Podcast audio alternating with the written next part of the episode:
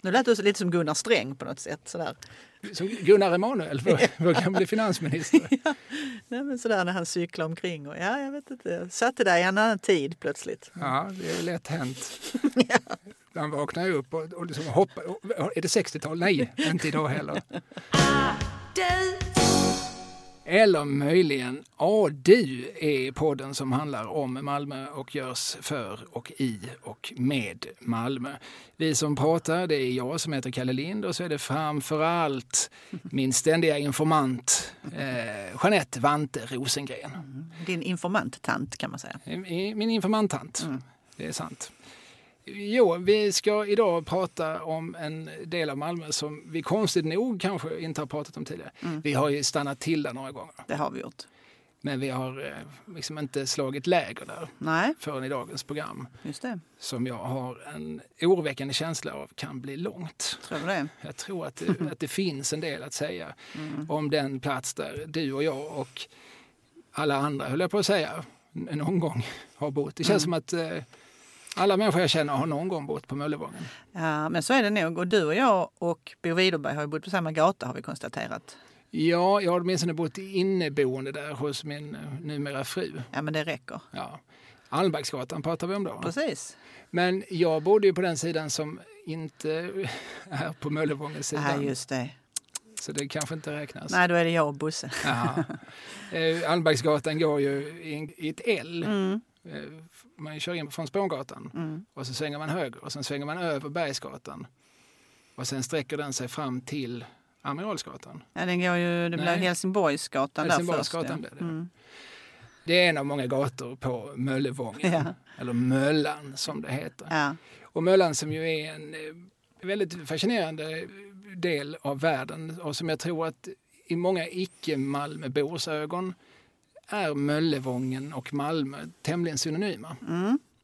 Tror jag rätt, tror du? Uh, ja, det tror jag nog. Alltså, det beror lite på vilka man frågar, vilken åldersgrupp kanske. Ja, och vad man har för syn på Malmö, om man mm. har positiv eller negativ eller om man har... Mm. Om man kommer från den här liksom lite diffusa kultur, nöjes och medievärlden mm. där ju ganska många av mina bekantingar mm. rör sig. Ja. För vissa människor är kanske Rosengård en representant för Malmö. Mm. Det tror jag. Mm. Somligt folk blandar ihop Rosengård och Malmö och menar liksom, ja, det, är, det. det, är så det är där. Ja. Men eh, för ett visst skikt, jag vet att när de här båda, de här båda jönsarna, Filip och Fredrik, ja. när de, de hade en, en föreställning som de kuskade runt i landet med. Där de på varje stad alltså, gjorde en, liksom en unik föreställning. Mm. För det skulle handla om den specifika staden. Tillsammans med publiken skulle de på något vis komma fram till vad som är den här stadens anda, mm. den här stadens kärna. Och då vet jag att de sa i efterhand att det kan ha varit så att eh, den här Malmöföreställningen att den kanske mer handlar om Möllevången Aha, än om Malmö. För den publik som gick och såg dem mm. var nog i ganska hög grad Möllanmänniskor. Och har inte Filip Hammar någon sorts connection här också? Han är ju MFF-are. Ja. Jag tror hans far, eh, Lars Hammar, jag tror att han är från åtminstone från Skåne. Mm. Eller jag vet att han är, jag har hört honom prata skånska i något av deras program. Ja, ja. Men det, det, är väl troligt att han också är malmöit om han nu är himmelsblå. Jag vill ha det till att han, för, för han var med hos Lars Lerin ju, en av, ett av hans program och då gick de omkring på Kapellgatan någonstans. Du vet alltså bortanför Möllevångstorget så att säga, upp mot eh, Bo Widerbergs plats. Mm. Åt det mm. hållet där. Men jag minns inte om han hade bott där själv eller om det bara var någon i släkten så att säga. Ja, nej, men han har, har nog Malmö påbrå, mm. Filip Hammar. Mm. Eh, men ja, det, detta om Filip Hammar. ja. Men min poäng var att jag tror att Möllevången eh, på, på, något vis, eller åtminstone i somligas ögon, representerar Malmö. Att det mm. här är vad är unikt, vad är specifikt för mm. Malmö? Ja, det är väl ungefär, och så rabblar de upp några saker som kanske inte är unika för Malmö i stort, men väl för Möllevång. Mm. Vi kan se om den här tesen stämmer. Mm. Vi kan ju pröva den på olika sätt och vis under samtalets gång. Mm. Ska vi börja med att eh, definiera Möllevången? Ja, men det är en bra idé tycker jag om vi säger då att det är, vi, om vi står vid Möllevångstorget och så har vi ju Bergsgatan som går jämte den här stora pulsådern. Mm. Så det är en skiljelinje. Om vi följer vi Bergsgatan upp till Amiralsgatan. Och sen så fortsätter vi eh, till Nobelvägen. Ja, vi kör förbi Folkets park och Nöjesteatern ja. och sen så tar vi höger på Nobelvägen. Så tar vi höger på Nobelvägen. Och sen så eh, blir det då så tar vi höger på Spårvägsgatan och följer den tills den kröker lite lätt. Då blir det Södra Förstadsgatan en mycket liten stund och sen blir det Bergsgatan igen. Just det, där ansluter den till, ja. till Bergsgatan. Så allt det som är inom dessa gator, det är Möllevången. Det är det som är Möllevången, men mm. där kan vi ju genast börja komplicera. För ja, dels så finns det ju ett Mäklarmöllan mm, nu för tiden. Ja. Eftersom Möllevången då har, alltså själva ordet Möllevången har någon sorts är, någon sorts vibb mm. som för vissa är negativ och för andra är positiv. Så, men, men som ändå är någonting vi förknippar, mm. eh, som vi har en bild av. Så har ju mäklare börjat använda Möllevången även när de egentligen är ganska många kvarter därifrån. Absolut. Att jämföra med mäklare Österlen mm. som ju sträcker sig Sjöbo. till strax norr om Växjö. men, men eh, så, så, där har vi ett Möllevången som mm. då plötsligt är lite större. Och sen så får man komma ihåg att på andra sidan Bergsgatan eh, ligger restaurang Möllan mm. som ju då officiellt inte ligger på Möllevången. Och där finns också Skolgatans ölcafé. Mm. När jag hängde som mest på Möllandkrogarna så låg där också ett ställe som heter Tempo. Precis. Som också var en, ett centralt vattenhål för mm. oss i min generation mm. som eh, hade någon sorts bakgrund som indiepoppare på 90-talet. Mm. Det var ju som Tempo baren för dagen. Mm. För där var ju det gamla innebandet Eggstone med och eh, grundade mm, någon gång på 90-talet. Mm. Visst var de det? Jo, det tror jag absolut. Först mm. både La Couronne som ju ligger nere förbi Ja, nedanför Triangeltorget. Mm. Men även Tempo tror jag de var inblandade i. Och eh, i La Couronne var, Cardig, var väl Cardigans och Eggstone som tillsammans, var det inte det? Ja, det var, jag tror dessutom att det var medlemmar från det väldigt bortglömda indiebandet Ray Wonder. Mm, det känner inte jag till. Jag undrar om inte lite Komeda-folk också på något vis var inblandade. Det här det här är överkurs. Vad många nyheter på en gång. Ja. Jag och Joakim Lexell som har varit ja. bartender på Tempo, han sjöng i ett band som heter Dipper. Mm. Så att det, det, var hur som helst många människor som mer eller mindre framgångsrikt prövade en karriär som indiepoppare på 90-talet. De kom sen att hamna på olika krogar i Malmö. Men du, jag tänker så här, det är så roligt när vi pratar så här, för det är så olika generationer. Då. Du är ju en ung herre i dina bästa år. Ja, vi är inte, det är inte så jättestor skillnad mellan oss. Men jag, jag tror att, för du är född 67 och jag är född 75. Mm. Det är åtta års diff såklart. Eh, när jag gick ut gymnasiet då var du ju en yrkesarbetande kvinna såklart. Mm. Men, men, men, det har också lite grann att göra med att du är född och uppvuxen här tror jag. Att du har liksom, du har, det, det bidrar ju till att du har ett perspektiv mycket längre tillbaka. Jag började lära känna mm. Malmö när jag är, säg 20. Mm, mm. Det är ju 1995. Det är då mm. jag liksom börjar se Malmö från, så att säga, horisontellt, inte bara som ett ställe som vi åker till ibland. Nej, eh, och som, där man bara ser väldigt specifika platser dit man tar sig med sina föräldrar. Nej, men det är kul, liksom, för jag tänkte, när du, den här eh, Lexell-referensen så tänkte jag väldigt snabbt tillbaka på min egen ungdom när, när jag gick på barer som till exempel eh, Retro, mm. som inte finns längre. Som, eh, men som låg på Ängelholmsgatan? Ja, som nu heter Metro. Va? Ja, det är nog så. Ja. ja, men där jobbade ju en ung Lukas Moodysson till exempel som bartender. Alltså bara för att göra en, en eh, referens på det hållet. Ja. ja, och när jag började hänga i Malmö eh, då har Moodysson slutat vara bartender. Mm. Då går han på Dramatiska institutet i Stockholm, skulle ja, jag tro. Ja. För att sen 98 komma med sin debutfilm Fucking Åmål. Mm.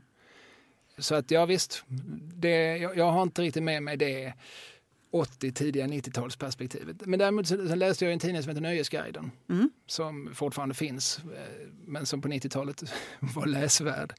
Och där fick man ju väldigt mycket, även om jag då liksom först bodde i Eslöv och sen några år i Lund, så fick jag någon sorts grepp om att det finns olika saker i, i Malmö. Mm. Eggstone gör det här och det här. Och det finns något som heter Ensembleteatern mm. nere på, på eh, Kalendergatan och det finns detta och detta. Men, men det hade jag fortfarande inte sett riktigt med egna ögon. Men det är det som är så roligt för att då hade jag ju liksom börjat gå hem. Från, du vet när, när du är där i den 95 och så. När jag står i mitt flor, När du som Janne Malmsjö hade sagt. Ja, det hade han. Eh, då, då började jag ju bli liksom eh, gammal och trött. Och gick, Då har du börjat vissna. då hade jag börjat Kronbladen har börjat slokna. Precis, de föll ner och bildade en, en boja kring mina fötter. Då stod jag mest och gjorde cooked chutney på kvällarna och sånt där. Ja, Nej, men så att vi, vi täcker in Ja, några år här. Dessutom har vi båda, och i synnerhet du när det gäller Malmö, ett historiskt perspektiv på detta. Ja, Så att vi, vi kan ju också båda två ganska ledigt röra oss i en tid då vi faktiskt ibland inte ens fanns. Mm. Eh, Så att vi- vi, ska nog kunna ge någon sorts eh, ungefärligt grepp om eh, stadsdelen Möllevången. Mm. Men vad vi har konstaterat i alla fall är att eh, Möllevången har ju en, på kartan en, en jättetydlig definition. Men det är inte den vi, vi alltid använder Nej. i vardagslag. För att, och det här hänger ihop, hävdar jag då lite grann med att Möllan inte bara är en plats, det är också någon sorts anda. Mm. Jag tänker på det när jag var yngre och lite eldigare då skrev jag, för att pressen skriver ibland också, har det där Mäklarmöllan som referens när det händer något ondskefullt. Mm. Och då skriver man att det hände på Möllevången fast det inte alls gjorde det. Mm. Och då vet jag vid något tillfälle, så det här är en, en journalist som numera är pensionerad och som jag numera också känner och tycker om. Men han skrev vid något tillfälle att eh, det var ett mord som hade begåtts i Mariestadsparken. Och så stod det på Möllevången. Då tänkte Rosengren, "Nej, nu jäklar. Ja, nu stretchar vi lite nu- i mesta laget. Nu får jag faktiskt skriva ett litet inlägg här. Så gjorde jag. Eh, och det var faktiskt den här mordet i fråga. Det var ju Rolf Valentin. Rock-Rolf Ja, den gamla, precis, den gamla rocksångaren det handlade om. som är, kanske var den första att spela in en sång med ordet rock i titeln på svenska. Precis. Han och. Ove Thörnqvist var nog ungefär, det handlar nog om dagar eller timmar. Mm. Eh, vi pratade om mitten av 50-talet. Men Mm. ja, precis. Och visst var hans syster också i svängen. Jag tror hon också gjorde några, några singlar på, på 50-talet. Det är nog inte omöjligt. Hans föräldrar hade ju den här dansrestaurangen Forum, hette den väl, va? som låg i det här Idolf-huset på Triangeln. Och där, eh, ja, där framträdde han ju och sjöng och så. Det är nu inte det på Möllevången klart, men Nej, vi, vi har redan kommit utanför. ja, ja, men så, Gränserna. precis. Mm. Det, det kan bli, trogna lyssnare av den här podden vet att det kan bli lite associativt. Ja. Vi har definierat i alla fall eh, geografiskt och vi har förstått att det finns, liksom, då och då finns det anledning att prata om Möllan även utanför dess egentliga gränser. Antingen för att det, det kan vara positivt laddat som för en mäklare eller för att det kan vara negativt laddat för en skandalreporter. Just det. Vad är en vång för det första? Mm. Eh, Jag tycker att vi ska gå tillbaka till 1580-talet. Mm. Om du inte eh, har Nej. något att säga om det. Nej, nej, jag har ingenting att säga. Därför att då fanns det två herrar som for runt i Europa. Det var en präst som hette Georg Braun och så var det en eh, konstnär som hette Frans Hogenberg. Och de två skulle framställa en världsatlas kan man nästan säga. På så sätt att de åkte till olika städer och så mm, målade de av, eller han, Hogenberg målade då och Braun han skrev. Vad hade de för utgångspunkt? Alltså vad var deras bas? Alltså egentligen, ja, var de kom ifrån. Mm. Konstnären var flamländare och prästen var tysk om jag inte Aha, missminner mig. okej, Så de kom från kontinenten Ja. hitåt? Och de, de fyllde på. Det fanns ju redan någon, något sånt där atlasverk som då hade gjorts av någon annan tysk som de skulle liksom Bräcka? ja, förädla, fullborda eller så. Och då är det några städer i Sverige som blir förärade att få vara med där. Eh, eller i Sverige säger jag nu, 1588 är vi synnerligen danska. Men det var ju danska och svenska städer fanns också med. Men eh, eh, här i Skåne så var det då Malmö, Lund och Landskrona och Helsingborg som fick vara med. Och då, då målade Hågenberg och målade av, ritade av. Men det var inte alltid man, han, de åkte till alla städerna. Att ibland så bad de folk skicka in era, ni vet, skicka in din bästa teckning ungefär, skicka in din bästa berättelse. Okej. Eh, Och så kunde de utifrån de här beskrivningarna så målade han då staden. Så att där, där finns en sån här bild Men av han Malmö. vyer, han, han var inte kartritare utan han var landskapsmålare. vi, precis, just det. Eh, och det hela den här eh, Världens städer heter ju verket helt enkelt. Civitates orbis terrarum eller något sånt på latin. Och då på Malmöbilden då så ser man ju den här staden Malmö, Sankt Petris kyrkas torn sticker upp och stadens siluett. Och sen långt utanför eh, staden så ser man att det står en mängd vädermöllor på liksom en liten höjd sådär. Och då är det det som är nuvarande triangeln och Möllevången. Mm. Han står alltså på triangeln och har Möllevången i fonden. Uh, han, står, han står och målar kan man säga in mot staden så att både ja, Möllevången och triangeln syns fast det ser ju naturligtvis inte ut då så som det gör nu utan då är det mest vädermöllor. Och sen kommer man närmare inåt. Den gamla staden slutade ju vid, alltså Gustav Adolfs torg fanns ju inte då utan då är det Söderport som ligger där som är den södra infarten till stan. Det är en liten stad, Malmö, på den tiden. Mm. Men därav Möllevången. Där finns redan då utritat på bilden. Möllor? Ja. Som uppsvenskar inte vet vad det är, men det är väderkvarnar, mm. säger vi på, säger de. Ja.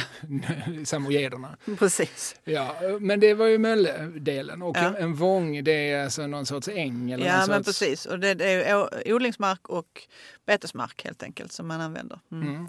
Det finns ju flera Möllevångar, det finns ju en i Lund. Ja, det finns det. Ja, det ligger vid lasarettet. Om man, ja, på andra sidan, eh, mm. kan heta Getingevägen, så finns det ett område som också heter Möllevången. Ja. Och som jag tror det är skyltat till också så ja. att man kan bli lite förvirrad. Just det. Om man, är jag i rätt stad? Kanske mm. man frågar sig själv. Ja, men eh, därav namnet Möllevången och det hittar vi, för, är det första gången vi stöter på det då i den här? Ja, nej, alltså, redan på 1500-talet vet man ju, då är det ju stadens, det är lite som på Kirseberg egentligen, borgarna som eh, odlar och har delar i Vången som betesmark och odlingsmark. Ja. Så det är tobak och raps och sånt där som man odlar. Det finns inte så mycket bebyggt faktiskt. Det är inte förrän, jag vet att i en karta från 1867, en riktig karta nu då, mm. då finns det två byggnader som är utmärkta. Och den ena är det som idag är Månbyskolan. Mm. Den var för övrigt skola då också. Men det är från början ett värdshus. Och då är vi ju inte på dagens Möllevången. Det ligger ju faktiskt på andra sidan. Exakt. Mm. Och sen så finns det eh, i den här biten um, det lilla det som idag kallas Suelska villan. Ja precis, ja. vi har pratat om här tidigare. Ja. Frans Hul hade ett sommarhus ja. som, som ju faktiskt är bevarat. Precis. Eh, som ligger inklämt mellan en massa liksom, bisarrt brutalistisk 70-talsarkitektur. Exakt. Mm. Ja, det är 1867. Då är det inte mer i det här området som, som är... Det finns inte mer bebyggt än så helt enkelt. Mm. Nej, för sen så bebyggs det under några olika perioder. Det, om jag minns rätt så är det första svängen väldigt tidigt 1900-tal. Ja. Um, ja, men man har ju mannen som är satt att rita ut det här och göra stadsplanen. Det är stadsingenjören Anders Nilsson. Major Nilsson. Major Nilsson, mm. precis. Mm. Densamme. Så han, eh, första gången Möllevången finns i en stadsplan eller stadskarta det är 1904. Och då har man ritat, då har han ju ritat ut och ja, så här ska det se ut, så här ska kvarteren vara. Men då fanns ju inte, vissa namn överensstämmer sen inte med vad det blev. För att till exempel där Varbergsplan ligger, vet du var vi är då? Nej, inte exakt faktiskt. Ystadgatan och så hörnet där restaurang Asien. Ja, ja. Då vet du direkt. Heter det, det Varbergsplan? Ja, det är en liten lekplats där framför. Ja, Hajleken. Ja, som, precis. Som, som den hette när, ja. när min, yngste, eller min äldste son var ung. Exakt, då var det en massa hajar. Ja, det, precis. Ja. Sådana här som man gungar på i ja. form av hajar. Så därför hette det i folkmun Hajleken. Ja. Eh, man brukar få först gå scanna av hur mycket folie och eh, kanyler det låg. Åtminstone så, jag har själv aldrig plockat någon kanyl där. Men det, det hette så att innan vi går dit så får man göra en sondering. Mm. Eh, i början av 2000-talet. Däremot har jag aldrig hört någon referera till det som Varbergsplan tidigare. Nej. Och ännu mindre kanske till Berseli plats som det då var tänkt att heta från början. Efter Jöns Jakob. Ja, det tror jag. Berzelius, den mm. stora vetenskapsmannen som mm. ju gav namn åt en eh, park i Stockholm mm. där Berns och Kinateatern ligger. Mm. Ja, på Norrmalm. Mm. Det var planen att det skulle heta så, mm. men planen förverkligades inte. Nej. Utan istället så börjar man döpa det efter olika sydsvenska städer. Mm. För det, det, är ju en eh, notering man har gjort att eh, när man du har Simrishamnsgatan, Kristianstadsgatan och Ystadgatan.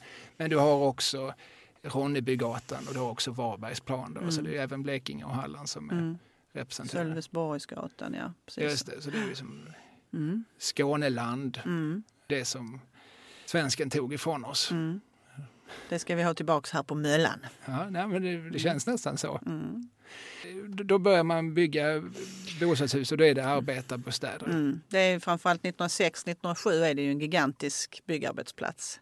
Och det är inte så konstigt. Jag menar, många bor ju till exempel på Lugnet där i slutet på 1800-talet. Och det, det är klart att det finns ju en gräns för hur många som kan bo där. Och det är en stor inflyttning till stan. Så då bestämmer man sig att det här området måste vi nu göra lägenheter av. Det är ju inget konstigt. Nej, och det är industrialiseringstider och Mm. det finns ett antal fabriker i- kvarteren. va? Oh ja, De har väl börjat poppa upp. absolut.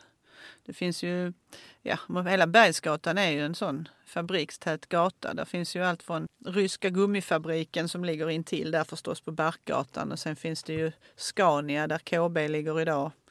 Skandinavien, det som nu Massive har. Mm. Ja, det är Köpt. stort, eh, ja, det är ju nästan ett kvarter, Ja. så här röd tegel. Precis, och det är ju textil och knappar och sånt man gör där. Och sen så eh, finns det ju chokladfabrik Mm. såklart på andra sidan. Det hette Kullans chokladfabrik från början innan det blev Massetti. Det finns ett bryggeri där också. Det finns eh, ja, diverse olika mindre... Och det här syns ju i någon mån fortfarande. Ja. Alltså, Bergsgatan är ju i någon mån präglad av de här liksom stora, rejäla, Mm. gamla fabriksbyggnaderna. Sen så tillverkas det väl inte så gräsligt mycket där nu för tiden. Även om ett bryggeri just har flyttat in Mm. jämte den, det som fortfarande heter chokladfabriken. Just det. Eh, Och där, eh, sånt som Pågens bageri, eller det heter Pågen numera, det hette ju Paulssons bröd från början. Det började förvisso i en liten gata som heter Tallgatan, som är Möllevångsgatans förlängning. Men, men sen flyttade när familjen Paulsson fick, Paulsson Olsson ska jag säga, för det var Matilda Olsson som bakade bröd. När de fick eh, igång sina eh, pengaflöde där så köper de en tomt på Bergsgatan 12 är det väl va? Och eh, bygger början på 1900-talet ett stort hus där. Och har sin fabrik inne på gården. Stämmer det att en av Sveriges första bilar eh, Mm. tillverkades på Bergsgatan? Ja, på Scania, alltså i KBs eh, fabrikstillverkade bilar. Ja, precis. Mm. Då måste vi vara något av de första åren på 1900-talet. Ja, jag tror att, eh, jag ska säga, i början, ja, om det är 1904 någonstans där så finns det fyra ställen i hela Sverige där man fabrikstillverkar bilar på det sättet och varav en av dem är Scania i Malmö. Som sen blev Scania Vabis och så flyttade till Södertälje så småningom. ju. Vilket är förvirrande. Varför ligger någonting som är döpt efter Skåne i Södertälje? Det är jättekonstigt. Nåväl, världen är ju en underlig plats. Mm. Men nu skapas någon sorts eh, liksom arbetarmöllan här Mm. under 1900-talets första decennium. Och i takt med att det bebyggs så får vi också anta att det befolkas.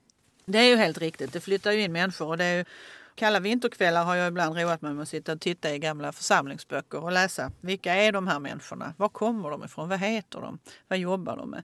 Och det är ju ganska mycket människor som är kroppsarbetare, snickare och murare och trädgårdsmästare. Och, ja, rätt vad det är så står det biljardmarkör. Hittar jag i mitt eget hus. Någon kille som jobbar som biljardmarkör. Ja, Varför då, inte? då måste det funnits någon sorts biljardhall då, i, Mm. kanske rent av i kvarteren. Det är inte omöjligt. Nej. Nej. Men det är, det är väldigt mycket den typen av... Och det är männen då som har de här yrkestitlarna. För kvinnorna, de jobbar inte, oftast när de är gifta jobbar de ju inte utanför hemmet på samma sätt. De kanske jobbar men då är det hemma. Men det är redigt folk. Ah, ja.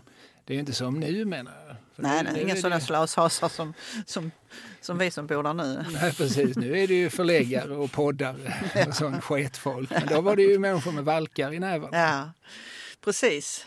Ja, nej, men det var det ju. De byggde staden och byggde landet. Och, mm. Mm. Och, eh, och bara några stenkast därifrån så finns ju också Folkets hus och sånt här som vi har pratat om tidigare. Som, och Folkets park ligger ju, den finns ju redan innanför Möllevångens hank och störd Mm. Oh, ja. vid den här tiden. Ja visst, den är före. Mm. Ja, så att eh, där, den svenska socialdemokratins vagga står ju Ja. här omkring. Och Solidar, va? det första Solidar öppnade ju på Möllevångstorget då i början på 1907 tror jag det är. Ja, Och det är alltså det, det, det kooperativa. Ja, Det som sedermera blir Konsum och Domus och idag är Coop och kanske inte längre är så kooperativt. nej. Nej men precis. Men när jag var liten så samlade vi ju kvitton. Ja, det gjorde vi också. Ja, nej men, eh, I en burk. ja, precis. Varje gång man var och handlade på Servus, Mm. som eh, det kooperativa små jourbutiker hette, åtminstone Mm. i Eslöv, så var man tydligt tillsagd att uh, när man sprang och köpte snus åt mor att man skulle ta kvittot och ta med hem och, och lägga för att det får vi tillbaka i slutet av året. Det blir återbäring. Ja, visst. jag minns att jag fick 10 procent av dem, vad det nu var, 5 procent vi fick från. Är det så? Ja, jag hade ju släpat hem det. Ja, ja. Så det var ju rimligt. Ja. På något sätt var det Mm. tydligen det. Mm. Och dessutom så kunde, om man var lite förslagen, så kunde man ju som, samla ihop de kvitton som låg och skräpade vid, vid bandet. Just det. Som andra som Struntade i. uppenbarligen inte var medlemmar Nej. lät ligga där. Mm. Nåväl, Möllevången blomstrar. För sen, om jag minns det rätt, visst är nästa stora bebyggelse sen under 30-talet? Ja, alltså de kvarteren runt torget, de bygger man ju då i 00-talet så att säga, i tidiga 1900-talet. Och, Och då bygger man också torget. mm, det torget läggs det. ut 1901-1904 och stenläggs. Och eh, statyn kommer inte för, på plats förrän i början på 30-talet dock. Mm. Ja, då har vi nog nämnt det också. Mm. Eh, Men sen så precis på, fram till Folkets park liksom, så bygger man ju på det här sättet. Och det är ju mycket jugend, alltså det är ju för allt i världen ganska enkla hus för att det är enkelt folk som ska bo där. Det får inte kosta för mycket. Men där är ju ändå en hel del fasaddekorationer och ornament på vissa. Det här begreppet Malmöjugend, Ja, det, det finns på riktigt. Ja, det, är inte bara, det. det är inte bara ett skällsord. Nej. Den utmärks av att, alltså, om jugend utmärks av att vara väldigt liksom, sirlig och ornamenterad så utmärks Malmöjugenden av att inte alls vara så sirlig och ornamenterad. Nej. För att man ska inte förhäva sig. Nej, men precis. Nej. Och det kanske handlar lite om ekonomi också, jag vet inte. Men ibland fick väl arkitekterna, ja de hade gjort ett förslag och så fick de backa två steg för att så här mycket Ja, nej. Ja, Ja, nej, så mycket yta ska de inte ha. Så, så trevligt ska det inte vara. Det är ju bara jobbarna som ska bo där. ja, precis. Men så är det mycket huggna hörnor. Eh, till exempel i den korsningen där jag själv bor så är det fyra hus av fyra har sådana här huggna hörnor. Och det hänger ihop med att det faktiskt var, eh, det hade man ju bestämt i Malmö att redan i slutet på 1800-talet någon gång att eh, man skulle bygga nytt så skulle man bygga på det sättet för att de som körde mjölkskjutsar och annat, de körde så jädra slarvigt så att det blev ofta, eh, och det här är ju häst och vagn alltså, det är på den tiden.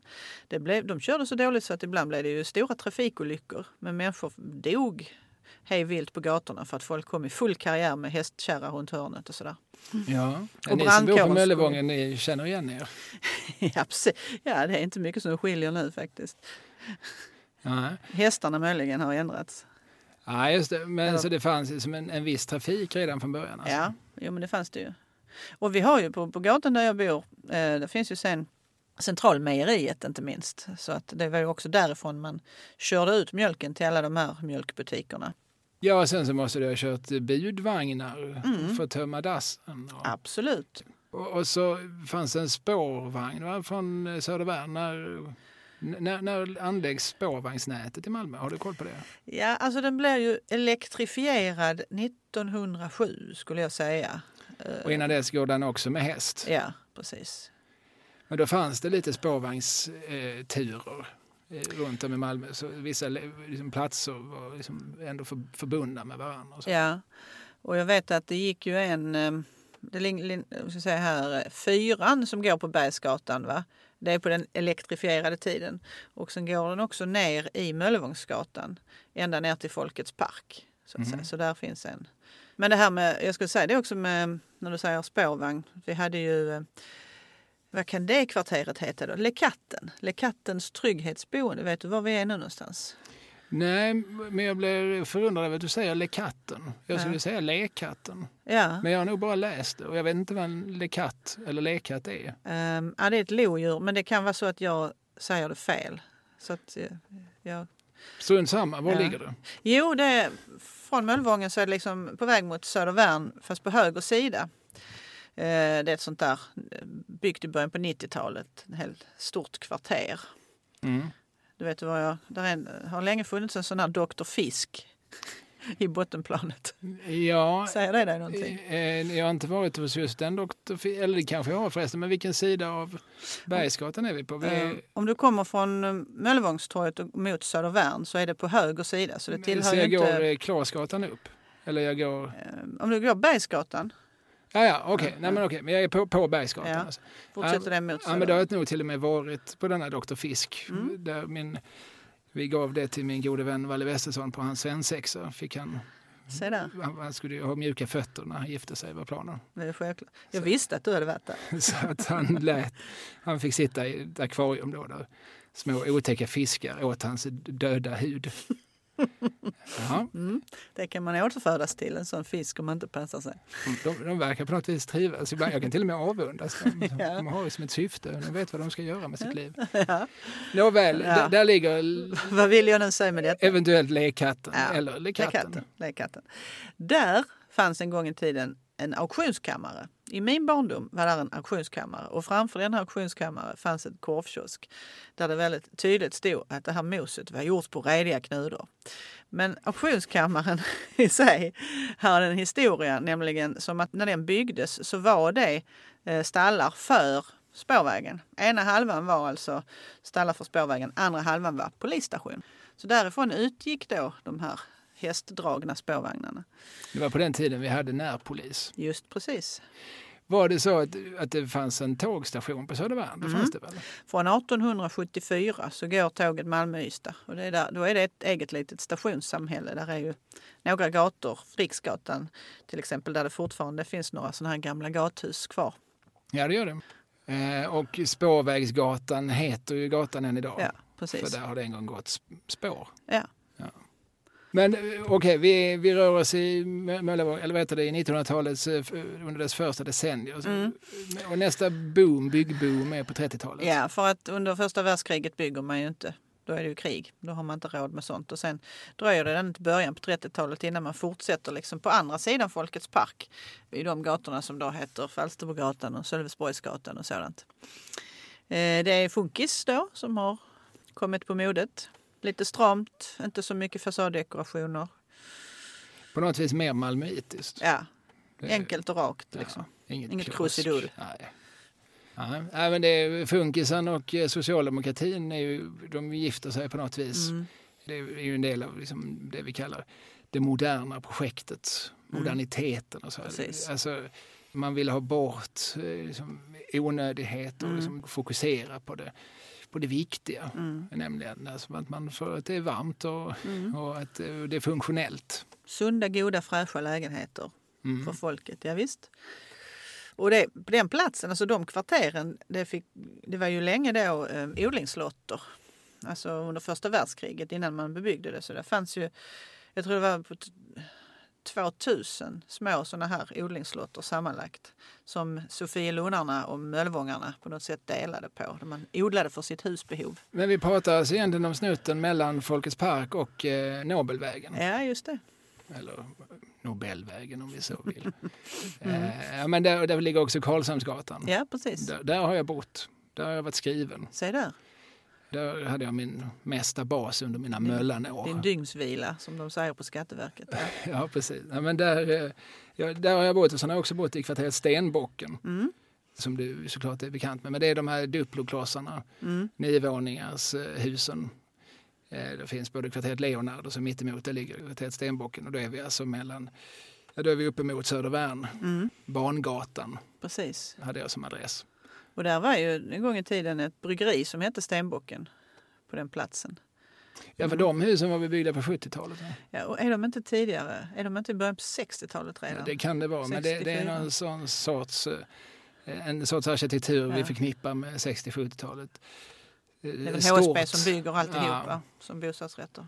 Ja, s- stort och kolossalt och Ja. kvarteret Leonard har ju också sån här upphöjd gård. Just Om man det. går upp en trappa så är Mm. det som innergården eh, in- inte i markplan. Nej. Eh, Det, det känns också en smula typiskt. Nere på eh, Ängelholmsgatan så finns det också en liknande vet jag. Just det. Ja. Mm. Så det finns lite här och var. Det är inte så mycket, om när du pratar om när man bygger på Möllan så har vi ju det här 00-talet, sen har vi 30-talet. Eh, sen är det inte så mycket, alltså det där med 60 och 70-tal, det är inte så himla mycket man bygger då. Eh, förutom de här som du har nämnt nu, Stenbocken och Ja, det är väl mer att när man bygger så bygger man rejält. Ja. Att man kanske till exempel bygger bort en gata. mm.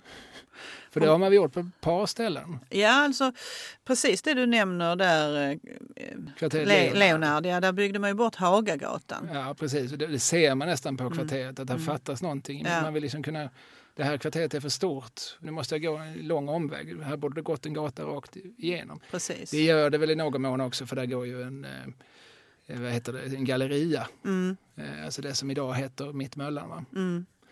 Precis, men sen gick det ju ända ut till, alltså till där apoteksbyggnaden ligger på, på, Bergsgatan, Bergsgatan. Ja. Ja, Och det och ju, även där är ju ett kvarter ihop ja, byggt. precis. Och man gör samma reflektion där, så särskilt när man får veta det.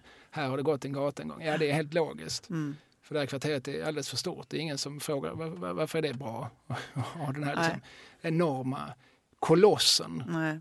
som gör att eh, vi alla måste ta helt onödiga omvägar. Mm. Nej, men vi, och där för övrigt växte ju eh, Östen Warnerbring upp. Alltså inte i den kolossen som står där utan där Hagagatan mynnade ut i Bergsgatan. I en miljö som alltså inte finns längre. Nej, och det, då pratar vi 30-tal. Ja, för han eh, flyttade nog inte dit förrän han var eh, ett antal år gammal. Han var ju född på Jägersrovägen. Så att, men, men hans ungdom, hans barndom och ungdom, absolut. Och hans far var konstapel, va? Ja, visst var han det. så då hade han nära till jobbet. Mm. Om det då låg på andra sidan gatan. Ja. Och Östen har ju själv skrivit i en text att, eh, att han kunde ju se, från sitt fönster där uppe i lägenheten så kunde de se ner på torget och då visste han ju alltid när hans far var i tjänst. Han var piketpolis, hans pappa. Så han var ju rätt så stor, biffig. Och han, Östen han beskriver då att de hette ju Spjut och Krats och Pil och Thunberg. Det var stora starka gossar. Och så var den här piketbilen felbyggd. Den var liksom för hög och för eh, så, För smal. för smal. Så att när alla de här äntrade den så välte den ibland. Och då skrek Östen då så mor nu välter far igen. Åh, hörde man mamman där inne. Och då välte de liksom hela piké med buse i, och kur, allt. I kurvan. Ja. ja.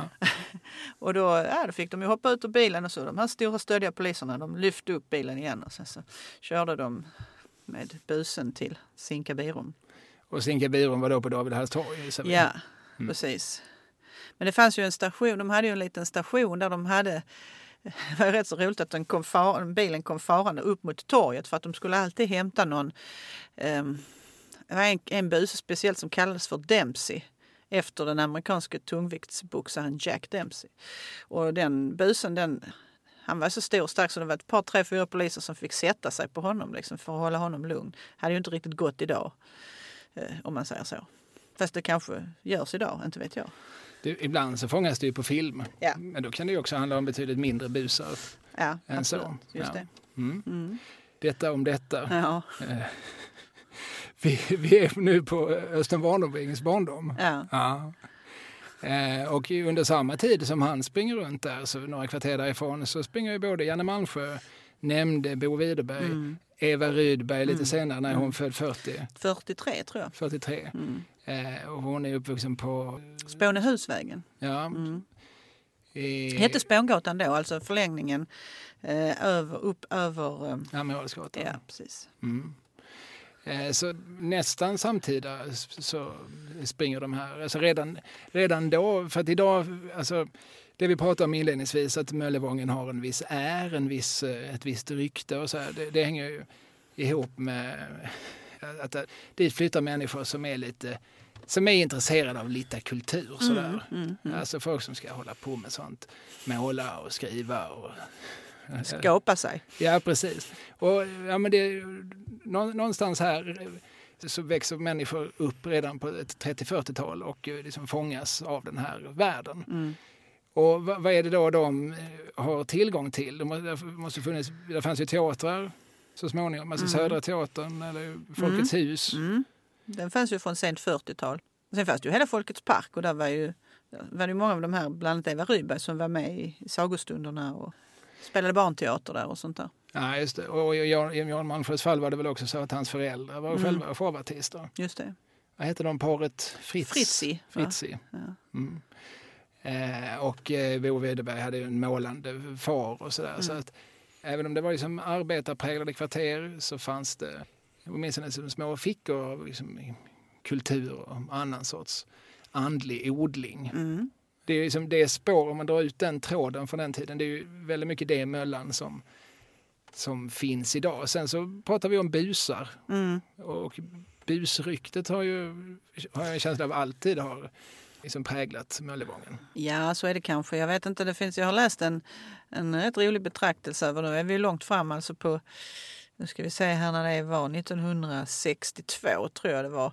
Då var den gatan jag bor på, alltså Kristianstadsgatan, då var det den farligaste gatan i Malmö att gå på. Att döma av antalet anmälda, alltså polisanmälningar som gjordes. Och då var det ju ofta Idag hade vi kanske inte reagerat så mycket. Det var fylleri och slagsmål och sånt där. Va? Men när jag går och berättar det, jag har ibland sådana här stadsvandringar på Möllan, så berättar jag det för olika grupper och så säger folk alltid så. Ja, det är väl, eh, ser väl likadant ut idag ungefär, säger de då lite fördomsfullt kanske. Eftersom de tror att det är mycket busliv. Det beror ju på vad man eh, lägger in i det klart. Men det är ett, ett område som Möllevången där kommer oerhört mycket människor. Det finns så mycket krogar, restauranger, nöjesetablissemang. Så det samlas många människor. Det är klart att också busarna kommer, tänker jag. Ja, och eh, krogar serverar ju alkohol. Ja. Det känner du till. Det är... och alkohol kan ju ha en menlig inverkan på mm. människors humör och våldstendenser. Mm. Så att eh, ja, det är ibland liksom svårt att säga vad som är hönan och vad som är ägget. Mm. Eh, jag eh, blir fundersam på hur mycket jag kan säga här utan att bryta mot någon sekretess. Men jag har å andra sidan faktiskt aldrig skrivit på något sekretesspapper vad jag vet. Mm. När jag jobbade, jag jobbade på häktet i Malmö i början mm. av 2000-talet. Då var ju Simrishamnsgatan och Kristianstadsgatan ganska vanliga adresser på de vi skrev in. Mm. Eh, och det noterar jag ju också eftersom jag själv bodde i kvarteren. Mm. Så plötsligt började jag ju känna igen folk ute på gatan. och jag var på väg att hälsa ibland och så kom jag på att jag skulle nog låta honom hälsa först om han mm. ville ge sig till känna, vilket de sällan ville. Mm. Eh, men då, då, insåg jag ju plötsligt att jag, jag var tydligen granne med människor som på något vis är lierade med den kriminella världen. Mm. Det behöver inte betyda att de var några storfräsare. Det var de ganska sällan just de. Mm. Utan det var väl småbus. Men de, ja, de har också hittat ett hem på, mm. på Möllan. Så var det ju klart inte från början för då var det ju ändå rätt mycket sådana sköts, vi har pratat om det innan med skötsamma arbetare som flyttade dit och bildningsidealet och allt vad som var, följde med det. Utan det där, det kommer liksom på något sätt från 50-talets eh, slut och framåt för att då, då flyttar ju alla de här människorna iväg till Augustenborg och Elstorp och Persborg och vad det nu än är, Lorensborg och sånt där som byggs där man har varmvatten och tvättstuga och ja, inomhustoa och allt möjligt bekvämt.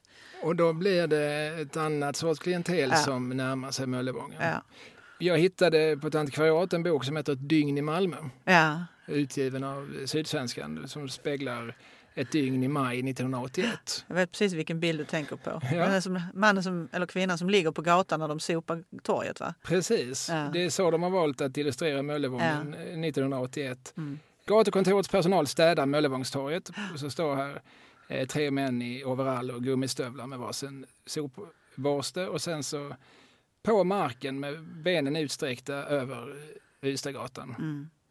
ligger det en madam i morgon diset mm. tar igen sig. Mm. Uppenbarligen 1981 var det så som stad, en av stadens mm. stora tidningar ville. Det, det här. Bilden så, här ser det ut på Möllan. Ja.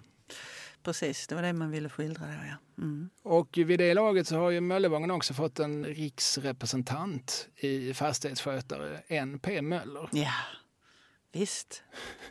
ja, det, och det är lite intressant för ungefär under samma tid NP Möller var alltså en tv-serie som skrevs av den eh, intressanta trojkan Åke Vilni, Frank Andersson, alltså inte brottaren Nej. utan reklamaren och trumslagaren, samt Jacques Werup. Mm. Och eh, som, eh, där Nils Alroth, revyer, Buskiskungen, spelar väldigt låg, lågmält, väldigt nedtonat. Mm. Den ensamme eh, portvakten, mm. N.P. Möller. Och den är inspelad på Simrishamnsgatan. Mm. Som, 16.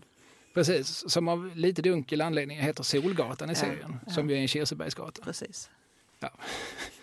Den gården är sig relativt lik. Ja, och eh, Skogens butik utanför det är nu en sån här mobil eh, ja, teknikbutik av något slag.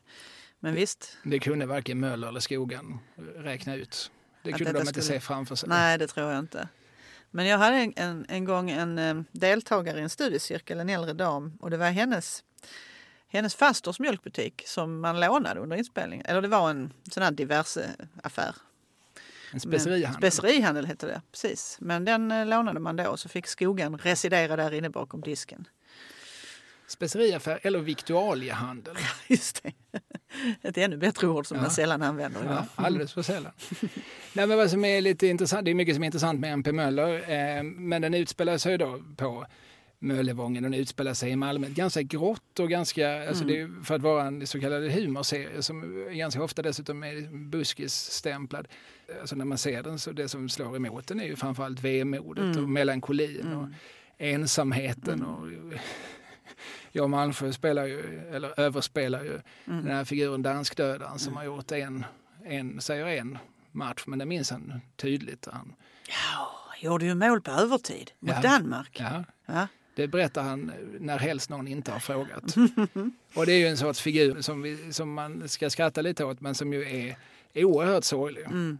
Och eh, alla figurer i MP Möller är oerhört sorgliga. Ja. Och det vilar som sagt ett väldigt påtagligt eh, vemod över hela serien. Men vad som är lite intressant är att den görs ungefär samtidigt med att man i Göteborg gör Albert och Herbert. Ja, just det. Början på 70-talet där, ja. Mm. Jag kommer inte ihåg exakt vilket år Albert Herbert börjar göras. Den, båda, båda scenerna görs i ett antal säsonger. Albert Herbert betydligt längre. Mm. Eh, men Albert Herbert handlar ju då om en skrothandlare och hans stackars hemmason. Och de bor då på Håga mm. i Göteborg som ju var ett, ett liknande område. Mm. Präglat av eh, å ena sidan av eh, småhusbebyggelse. Det såg lite annorlunda ut mot Möllevången men det var ungefär eh, samma sorts människor som bodde där, samma sorts historia. Haga var ju då tillhörde de här kvarteren som, det, det ville man ju riva. Man ville mm. ju verkligen riva det jäms med marken och bygga någonting nytt och förmodligen Högt. stort och fult. Mm, ett ganska stort folkligt motstånd kom att eh, se till att det dröjde ganska länge och till slut så hade liksom pendeln svängt och så kom även gubbarna på kommunen på att det kanske är lite trevligt att ha någonting som, är, som har historia. Mm. Så det, det mesta av Haga eh, står ju kvar, även om man rev en hel del där också, mer mm. än vad man tror när man går där. Men det är lite, lite spännande att ungefär samtidigt så kommer två eh, serier som båda blir liksom stora för stort folkligt genomslag och som eh, på något vis lyfter fram två kvarter med, med ganska med, som någonstans kan säga speglar sig i varann och har en sorts liknande aura omkring sig. Mm. Och eh, båda de här serierna handlar ju väldigt mycket om å ena sidan om ensamhet mm. och om eh, Sten-Åke Cederhök som Albert. Han vill ju inte att hans son Thomas von Brömsen ska lämna hemmet och skaffa Nej. sig en, en kvinna och, och, ett riktigt liv. Utan han håller honom fast där Absolut. i den här liksom, ingrodda skrotbutiken. Mm. Och eh, MP Möller han går där och travar framför skogen och mm. ska han fråga eller nej, mm. det är inte värt det. Den enda som man kan föra riktiga samtal med det är hunden Kalle. Mm. Ja. Och så har han porträttet på sin ja, döda hustru på skänken där i, i rummet. Ja. Mm. ja, det här är två av 70-talets stora komediserier i Sverige. Ja. och båda två utspelas då liksom i väldigt nedslitna ja. innerstadskvarter ja. med, med, ganska dåligt rykte. Och, eh, och ingen av dem är egentligen så himla munter om man eh, titta lite närmare på dem. Nej men så är det ju. Sen vet jag inte, jag försöker jag liksom rekapitulera här i mitt, för mitt inre. Men jag tror att det är fler utomhusscener ändå i MP Möller. För att det, i Albert och Herbert så är de ju mest där inne i, i Lumpeboden. Du minns alldeles rätt. Alltså Albert och Herbert är ju inspelad för publik i en studio. Ja, ja. Mm. Så det är ju bara vignettbilder och så som mm. är tagna exteriört. Mm. Medan MP Möller är gjord med, som på film, alltså med mm. en kamera. Och så gick man ut och eh, gjorde scenerna. Och man får ju lite olika bilder av staden där också. Där är ju något avsnitt där han faktiskt går bort mot just kvarteret Lejon han ska gå in på posten och så knyter han Kalle där utanför. Och det, det är rätt roligt ibland att pausa när man ser på det där och så bara håll kvar och se hur ser det ut idag och hur ser det ut då. Det är 50 år sedan nu liksom. Men, eh, mm. Och det är sig bara delvis likt. Ja. Precis, gatan där, eh, Simonshandsgatan är ju sig eh, hyggligt lik och sådär men andra miljöer är ju helt annorlunda. Ja, men även om husen, huskropparna är de samma så, så har ju innehållet på något vis bytts ut. Och mm. Det är helt andra sorters butiker i markplanen ja. och, och, det är också helt andra sorters människor som befolkar. Mm. Alltså, nu var det några år sedan jag tittade på MP Möller sist, men mitt minne är att, att statister och sådär, det är ju män i bruna kavajer och gråa kepsar. Ja, ja. Gråa kepsar hittar du fortfarande på Möllan, men det är ju Mm. så kallade hipsterkepsar. Det är exakt likadana, men de sitter då på, på män i min ålder som kan olika saker om mikrobryggd öl. Ja, just det. Eh, och Och som, surdegar och allt ja, och som ofta äger en Christiania-cykel Ja. där de kör sina barn i. Mm. Och barnen kanske heter någonting, Blomma och Vante. eller Ja. Nej, Ja, nej, men det, det- var ju tokigt av mig, för så, så, så vansinniga namn som Vante har ju såklart ingen. Nej, det kan man inte tänka sig. Det får man inte hoppas för barnets bästa. Nej. Nej, precis. Stackars, stackars unga. men jag förstår precis vad du menar. Och det är säkert så. Och det, om man säger att Möllevången idag är kanske mycket mer internationell också än vad den var på 70-talet. När blev det det? När, Ja. när blev Möllevångstorget, när får det den här liksom, eh, lite exotiska, lite, det, alltså, Mm. invandrarprägeln? Man kan titta med förkärlek på en, eh, en film som heter Kärlek och vilja av Jean Hermansson Mm. som ju var fotograf och filmare. Och den, den spelade han in, eller den var klar i alla fall 83. Den finns med i en av de här Mitt hjärtas Malmö-volymerna. Jag tror det är volym 8.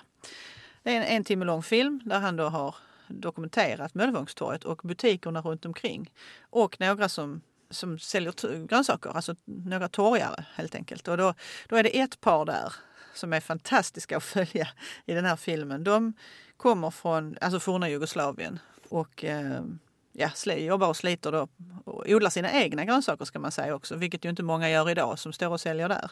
Utan de köper ju naturligtvis in det på grönsaksauktioner och sådär. Utan då var det verkligen, de bodde på någonstans utanför stan och hade sitt ställe och odlade sina lökar och sen sålde de dem på torget. Så att redan i tidigt 80-tal så hade vi ju människor som sålde på torget som kom någon annanstans ifrån än Sverige. Men det där har ju blivit fler och fler naturligtvis. Ja, Nu är det ju också många arabisktalande som står och säljer. Så det kanske det inte var i början på 80-talet. Nej, just det. Och, och, och det här präglar ju också butiksutbudet. Ja.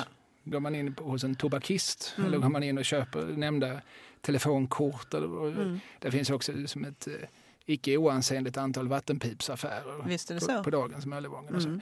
Och det är väl sen under ett 80 och ett 90-tal Mm. som eh, allt fler människor med så kallat annan etnisk bakgrund, alltså än den du och jag har, Mm.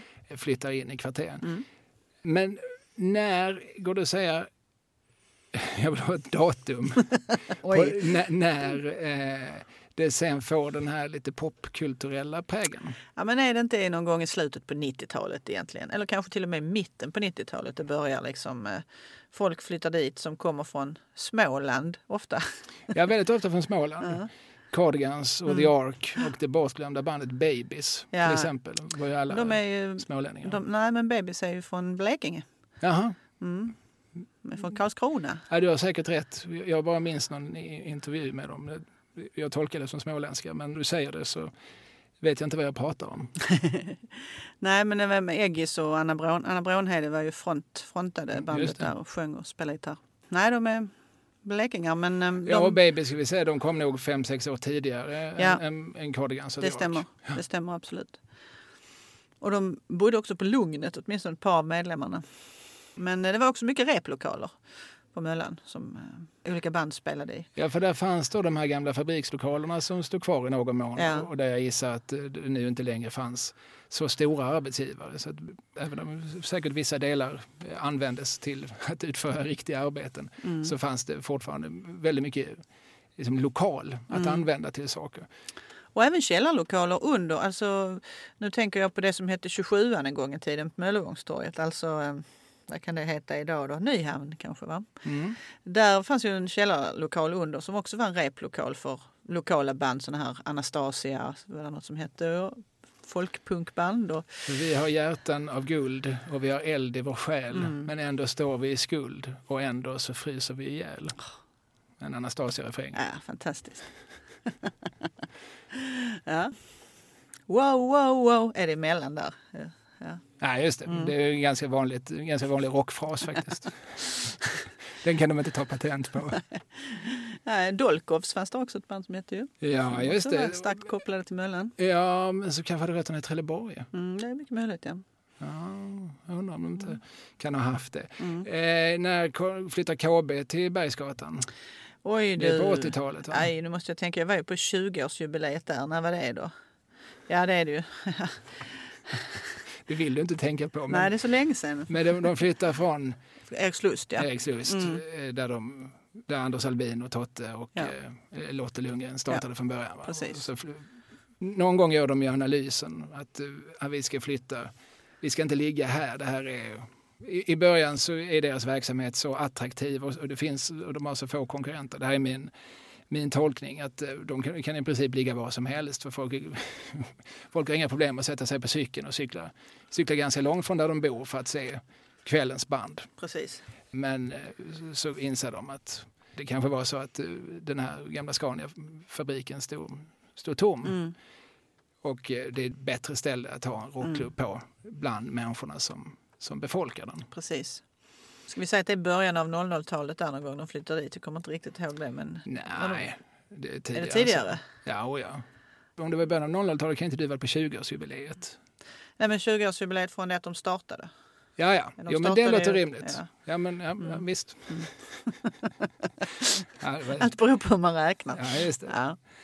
Och när jag flyttar till Malmö, eh, definitivt, jag är kanske 99, men då har jag bott en sväng här innan, då är det väldigt självklart för mig att det är Möllan jag flyttar till. Och jag tror de första åren så tror jag inte vi såg någon anledning att lämna Möllevången Nej. överhuvudtaget. Var det det första? Var det så? här? Var ingen annan stadsdel du övervägde att bo på? Eller- eh, hur intressant det här nu är, men jag flyttade hit en första sväng 96. Jag skulle flytta någonstans som inte var Lund. Mm. Men jag skulle ändå läsa i Lund. Jag var 21, jag var förvirrad. Mm. Då visade det sig att man kunde bo på Augustenborg i en tvåa för två och sju och då fick man ett tågkort Oj. av MKB. Jaha.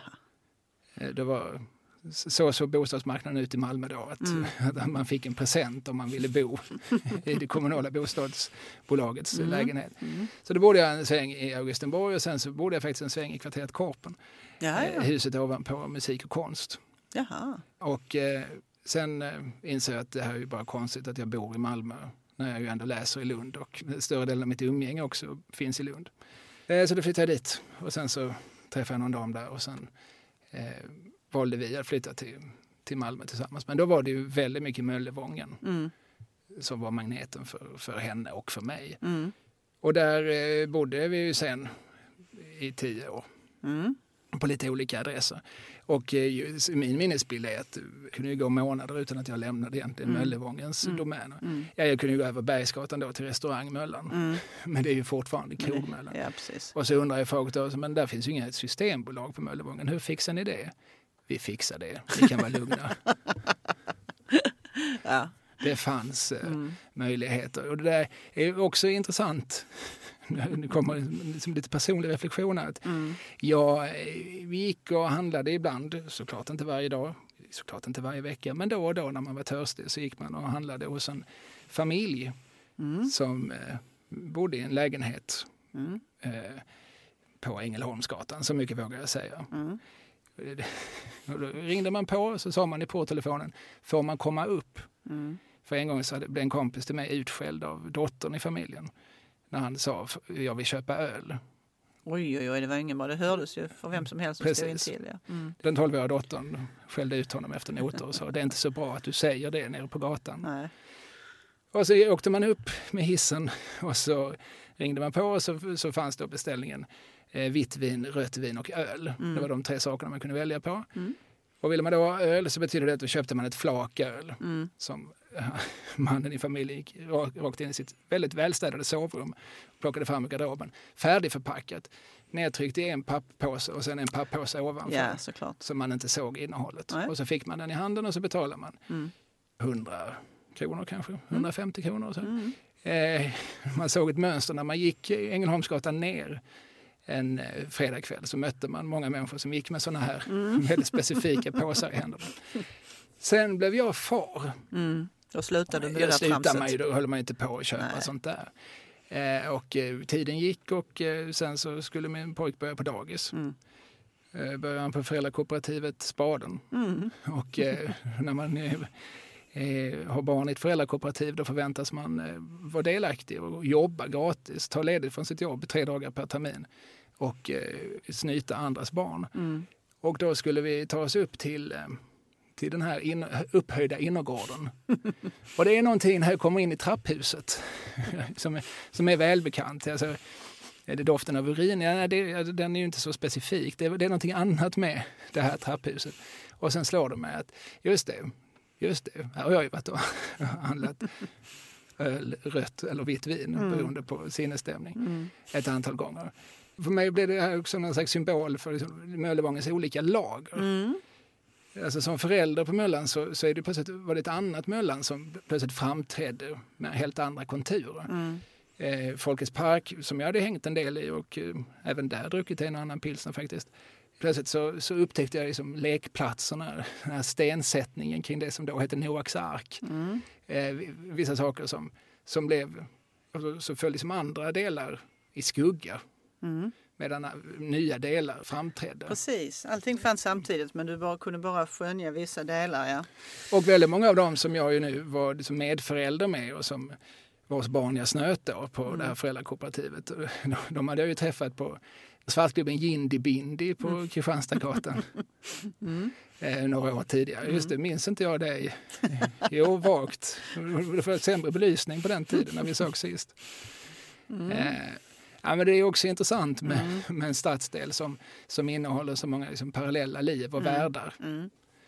Eh, det var en reflektion jag hann göra ganska många gånger i takt med att vår äldste son sen växte upp. Var, han var väl fem kanske när vi flyttade därifrån till, till ett nytt hem på Kirseberg. Mm.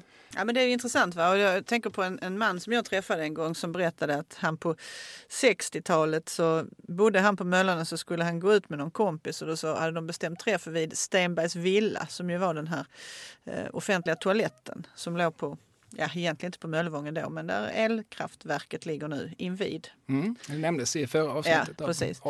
Och då stod eh, den här killen och väntade på sin kompis och så kommer det en slem typ fram till honom och väser lite sådär. Vad ska du ha för någonting? Och killen då som, nej, nej, jag, står, jag ska inte ha något, jag står bara här och väntar på min kompis. Ja, då ska du min själ inte stå här och hänga på disken, säger då försäljaren i fråga. Så det har väl alltid funnits den här typen av ja, verksamheter som har glidit in i varandra. Jag minns olika rykten som nådde mig långt innan jag själv bodde på Möllevången. Olika saker som eh, högstadiebarn i Eslöv visste på, på 80-talet att om du åker in till Malmö mm. och så ställer du dig på Möllevångstorget med ett ben på torget och ett ben på gatan mm. så vet folk att du vill handla. Åh, oh, är det så? Ja, det var en signal. Det kände 14-åringarna i Eslöv till. De kunde berätta för mig som ett faktum. Aha. Har du testat det här? Frågade jag. Nej, nej. Men eh, är det, har du vet att det är sant. Har du provat det? Ja, det är min, min storebrorsas kompis. Det var alltid någon storebrorsas ja, kompis ja. som visste saker. Nej, jag har aldrig provat. Eller jag har säkert stått på det viset många gånger på Möllevångstorget. Men det är aldrig någon som har kommit fram och erbjudit något. Ja, det känns nästan som att man borde testa det faktiskt. ja, ja, du man kan, kan fylla på, på Ja, du kan ju skylla på att, jag, att du bara är där. ja, nej, men du kan säga att du står här i antropologiskt syfte. Ja, ja naturligtvis. Ja. Det var så jag tänkte. Det fanns ju också en försäljning mitt på torget på 80-talet någon gång när jag flyttade dit där i mitten på 80-talet så var det många eh, sådana här polska bussar som stannade intill och eh, sålde då eh, sprit av cigaretter och sånt där. En verksamhet som sen först flyttade till Mobilas ja. parkering och sen till eh, Norra Grängesbergsgatan. Exakt. Men den började där vid, vid Möllevången helt ogenerat så bredde man ut sina flaskor där och limpor av cigaretter. Those were the days. Mm. Det är inte sig likt här Nej. på Möllan längre. Det har chanserat fullständigt. Va? Ja, men, en massa sådana där Vi har ju nämnt i tidigare... Ja, precis. Nej, vi har ju nämnt i tidigare avsnitt eh, Malmöskildraren Henrik Möller som bland annat gjort eh, en, film, en av hans längre filmer som väl är kanske tre kvart som heter Nobelvägen. Ja. Han har också gjort en som heter Mysigt på Möllan. Ja, just det. Och som handlar om två tjejer, om de är från Småland eller om de är från Stockholm minns jag inte, men de är unga och lite troskyldiga. Och de har nåtts av ryktet att eh, på det där Möllevången i Malmö, där är det så mysigt. Mm. Och så kommer de dit och så konfronteras de med ett annat Möllan som man kanske inte omedelbart eh, tolkar som mysigt. Mm.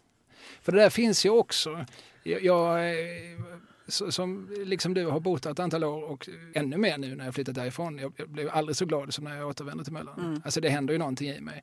Jag börjar liksom peka ut olika lägenheter för mina barn. De bryr sig inte ett dugg. Men, men där bodde han och där bodde han. Ja, och, och, ja. och, där uppe så kom, många sådana här historier som jag kommer på att med, med, när jag precis har börjat på dem. Vänta, det här ska jag nog inte berätta för mina barn. många avbrutna historier. Jag skiter i det förresten. Men Möllevången ger ju mig någon sorts skjuts, mm. någon sorts mm eh, injektion av, eh, liksom, mm. liksom av förhöjd livslust skulle jag nog säga. Mm. Men eh, oavsett om man då är romantiker eller om man är realist, alltså jag skulle säga att båda sidorna har ju lite fel. För mm. sanningen ligger ju ganska mycket i mitten. Va? Visst är det så. Eh, och, och, det, och frågar du mig är det ju det som är det fascinerande med Möllan på något vis. Att, att ja, men här pågår, åtminstone tidvis så pågår det ju ganska öppen försäljning av illegala varor mm. i, det som somliga kallar knarkrondellen och andra kallar bergsrondellen. Mm. Eh, inget av det är någon särskilt charmig beteckning. Nej. Det pågår ju där. Eh, och eh, det, det händer ju att eh, olika former av våld eh, mm. brukas. Absolut. Där såklart som på många andra ställen. Men som du säger, det är ju en plats där oerhört många människor möts. Mm. Och för mig är ju charmen med Möllan väldigt mycket att det här lever alltså bokstavligt talat sida vid sida. Mm. Man kan sitta i Folkets park och eh, liksom titta på en, en barnfamilj som leker glatt och sen så mm. långt borta så kanske man inte ser ett, ett slagsmål men man minns att där har jag mm. sett ett slagsmål mm. en gång. Alltså, mm, visst, visst, hela spektrat finns med. Absolut. Ja, så det är på något vis mänsklighetens goda och dåliga sidor är som allihop ställda på sin spets mm. på något sätt.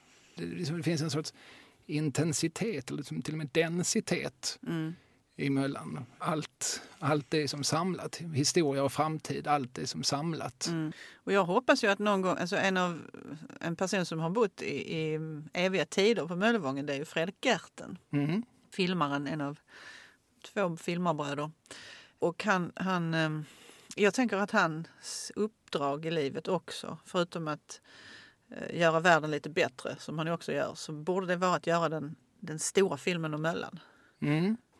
Det är lite konstigt att ingen av dem har gett sig på det. Mm. Jag tror det är av samma skäl som det dröjde ett tag innan du och jag gjorde det här avsnittet. att det är liksom en stor uppgift. Ja, det, jo, finns, det. Ja, men det finns så många historier att berätta och mm. det, det, är så många lager. Mm. Sen är det också så med vissa platser att där, där har ju bott en och annan trubadur. Mm. Det har bott en och annan filmare. Mm. Det har bott en och annan poet. Mm. Det, det, det, har liksom, det har getts ord åt de här gatorna mm. förut. Det finns ju liksom ett antal låtar och amatörfilmer och små egenutgivna skrifter och så mm. som, som rör sig kring Möllan. Så det finns redan, och Fredrik Ekelund ska jag säga, en man som ofta nämns här, men i sin bok Jag vill ha hela världen mm. så avbryter han ju berättelsen för att göra liksom en tresidors impression som bara består av olika repliker som slungas fram och tillbaka över Möllevångstorget. Mm.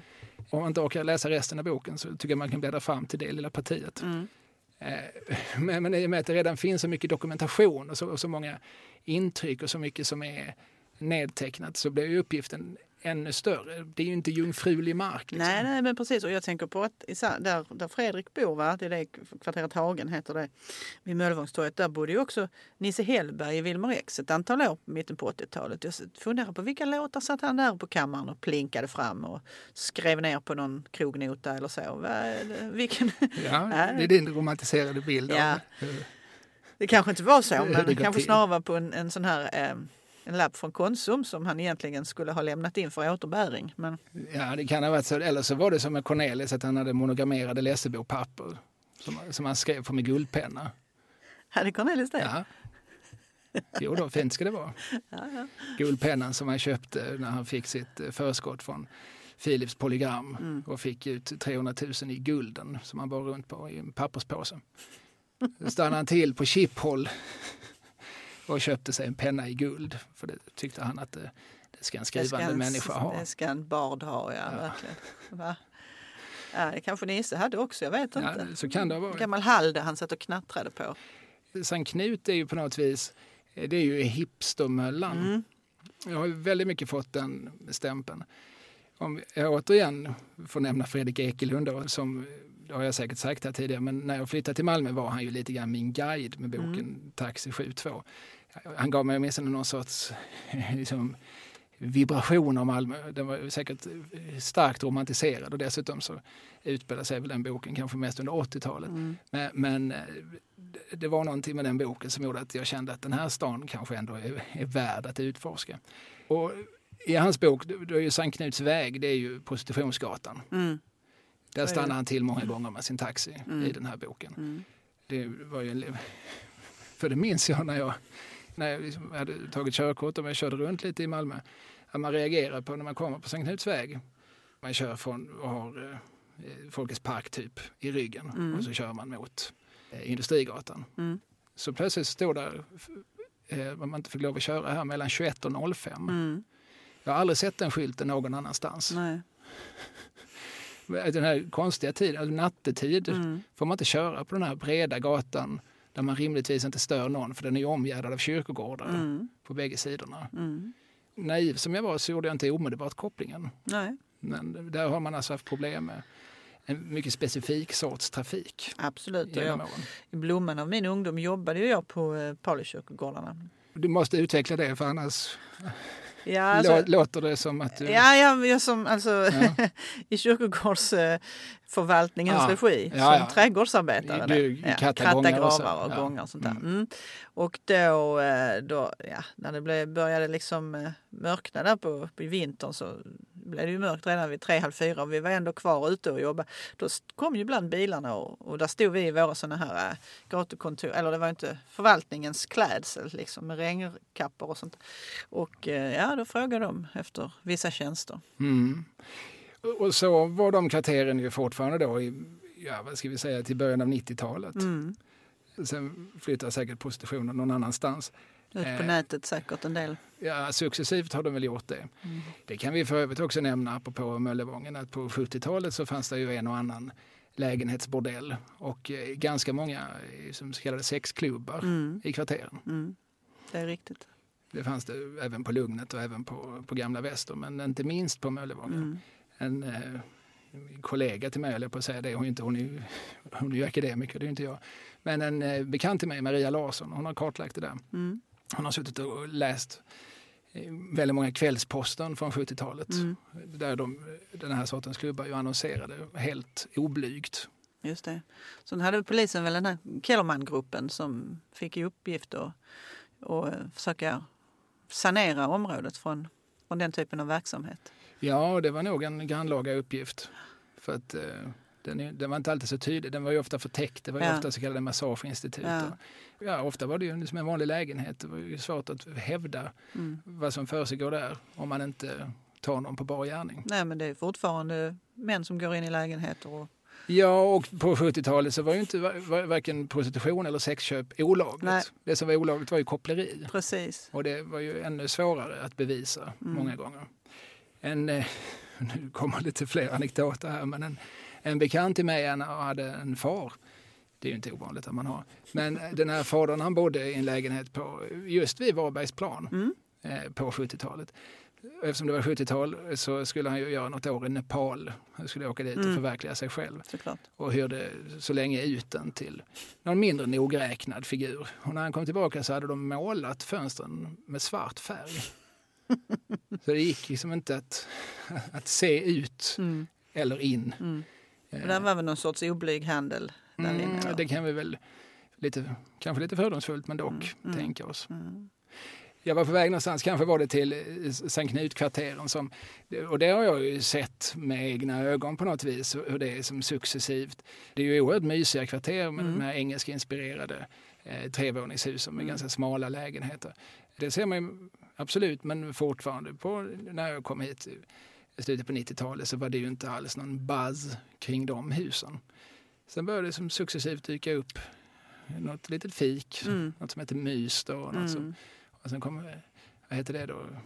Caféet heter inte Hembageriet. Ja, men eh, det, det, det, som fanns, för det fanns redan på 80-talet eh, något som hette Kling eller Klangs hembageri, någonting där på norra sidan liksom. Mm. Den Det kanske är det då. Ja, men, men så började det poppa upp. Liksom. Ja, Där, tidigare så fanns det någon akvariebutik och en kemtvätt. Ja. Eh, and that's it. Ja. Men sen så, så kommer liksom Psycho med, Mm. med, med prisbelönt sushi. Mm, mm. Och så flyttar Moodysons dit. Då.